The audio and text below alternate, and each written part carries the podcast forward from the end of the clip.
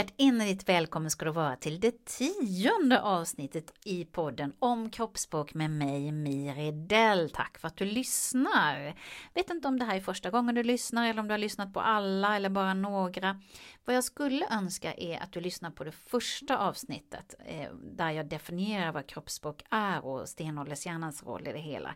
Så att du är med på mina tankeslingor eh, här i podden. Så gör gärna det. Eh, och här i det här avsnittet så ska vi fortsätta med kroppsdelarna. I förra så hade vi bålen, axlarna, armarna. Nu har vi kommit ut till händerna och fingrarna. Och det är faktiskt så, säger Jonah Varro, min mentor, att en amerikansk jury som inte får se den misstänktes händer på grund av att personen döljer dem bakom ryggen eller sitter på dem eller någonting sådant, fäller hellre än friar. Det är nämligen så att vår stenåldershjärna har ett oerhört stort behov av att se de vi talar med händer. Och det är inte bara så att vi inte vill se att man inte är beväpnad utan när vi började gå upprätt och vår hjärna utvecklades så lärde vi oss att använda våra fantastiska händer allt mer. Och det var ju en hel överlevnadsinstinkt att observera och reagera på andra människors händer och också ett sätt att kommunicera. Så att händerna är ju oerhört viktiga i kommunikationen. Eh, människor som döljer sina händer, eh, säger Joe Navarro, upplevs till och med som mer lögnaktiga. Han hade gjort ett experiment med sina elever där de delades upp i olika grupper och de som då inte visade händerna, satt på dem eller hade dem bakom ryggen upplevdes till och med som mer lögnaktiga. Oerhört intressant. Eh, vad döljer personen mer än sina händer, tänkte man. Eh, det finns en svensk handkirurg som heter Göran Lundborg. Han har skrivit en fantastisk bok som heter Handen och hjärnan från Lucys tumme till den tankestyrda robothanden. Och där beskriver han just det här samspelet mellan hjärnan och händerna. Från det att vi levde på savannen för flera miljoner år sedan fram tills nu när vi har AI-teknik. Och han säger att seeing is believing but touching is understanding.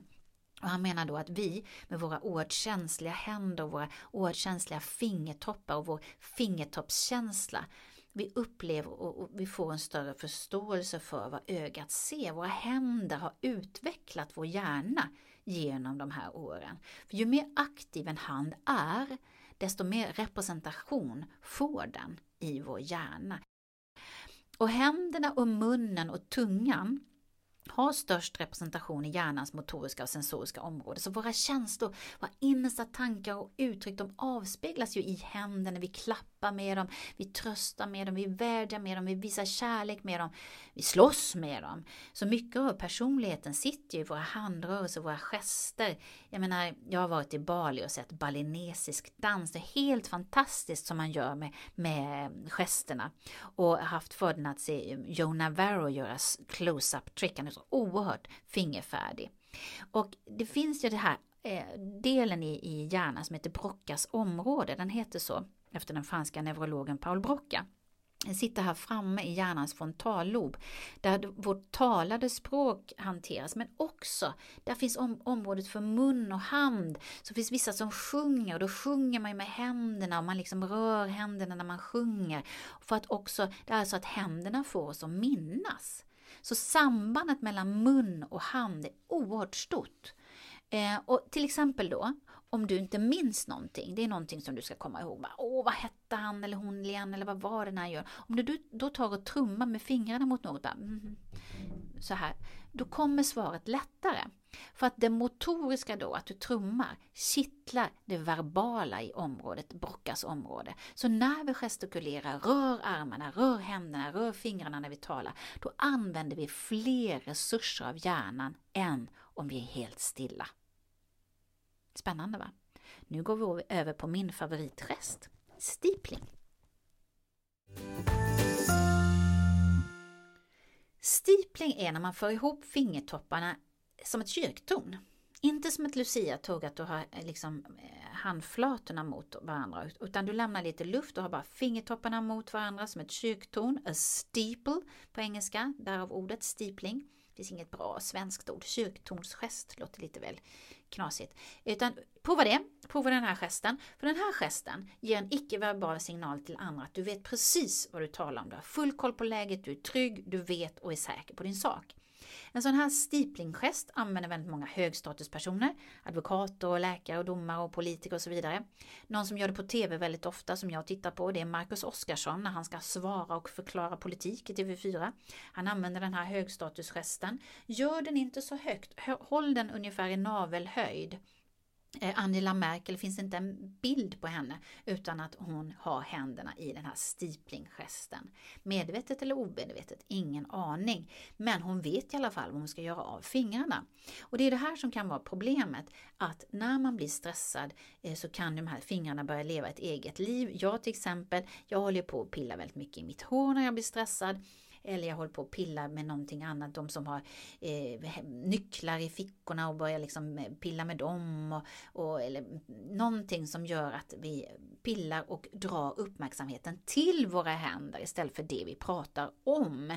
För att undvika det så lär dig den här gesten. Sätt ihop fingertopparna mot varandra i stipling och så vet du att du vet var du har händerna och att du ger ett lugnare, säkrare intryck eh, gentemot andra. Om du då talar med någon som har den här stiplinggesten och sen plötsligt så börjar personen fläta samman fingrarna och gör en bönegest. Att prova det som en bön. Bönegesten är en så kallad lågstatusgest, inte att den är mindre värd på något sätt, men att den inte ger ett så högstatusintryck, utan då ber man om någonting, någonting händer, man knyter sig, man knyter ihop fingrarna. Och man till och med börjar vrida sina händer, uttryckt att vrida sina händer finns ju. Det är också ett tecken på obehag, någonting att personen är stressad eller oroad för något. Och ibland kan man till och med se människor som gnuggar sina händer.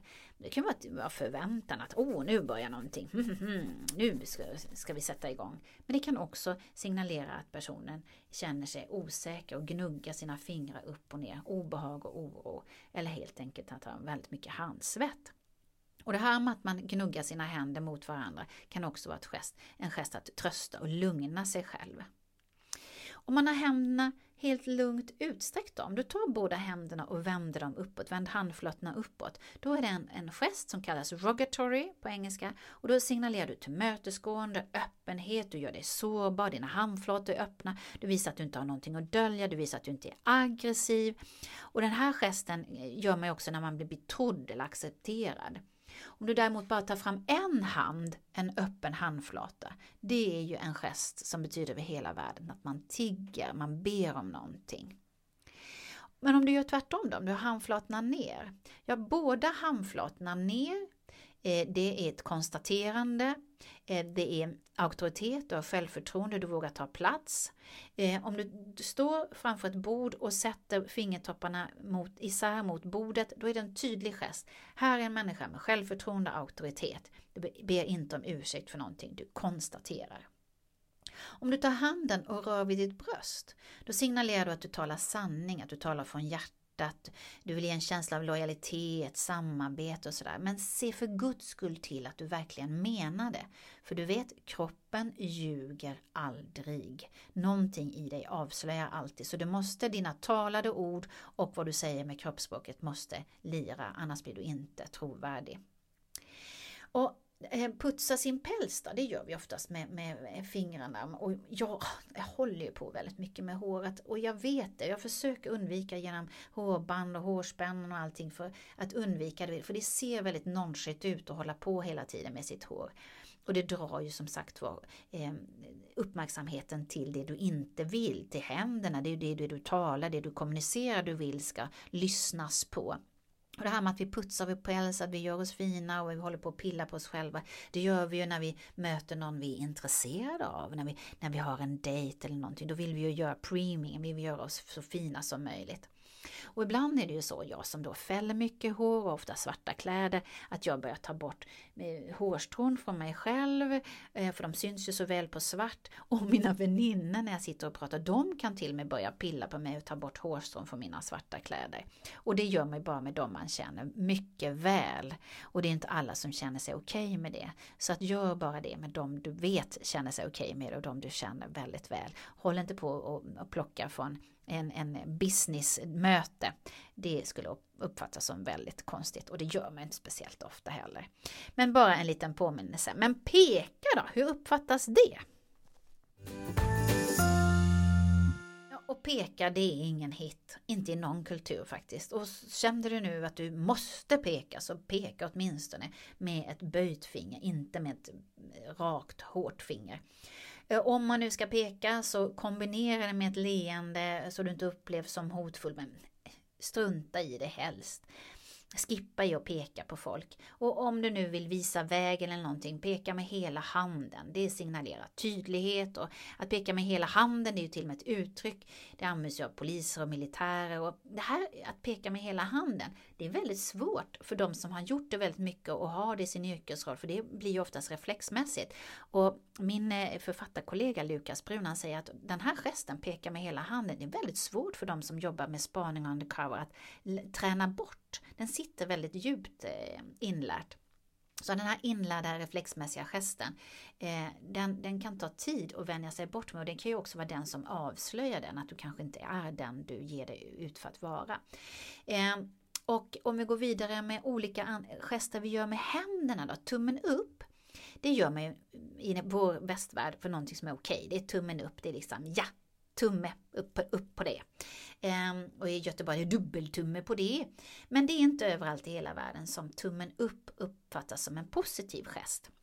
Att man gör tummen upp så betyder det i Italien att man gör en, siffran 1. Om man gör tummen upp i Japan så betyder det siffran 5. Och i vissa kulturer så betyder ju tummen upp, alltså tummen upp i baken, alltså den är lika obscen som fuck you-fingret. Det är väldigt lustigt att Facebook valde tummen upp för att över hela världen så är inte det en positiv gest.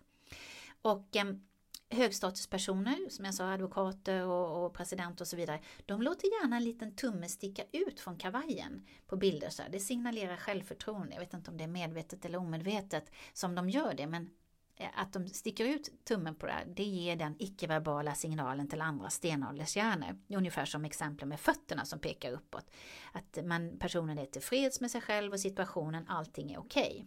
Men när tummen försvinner, var lite vaksam då. För en person som har enbart tummarna, tummarna i fickorna, det ser väldigt nonchalant ut och det är en lågstatusgest som signalerar dåligt självförtroende. Så om du vill ha respekt så visa händerna, hela händerna, alla fingrarna, dölj ingenting.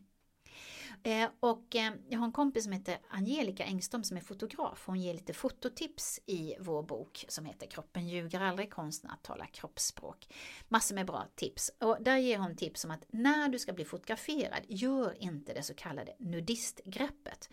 Det är framförallt män som gör det. När man står hängande med armarna och korsar händerna ovanför könet. Det finns alltså tusen miljarders miljoner bilder på det där.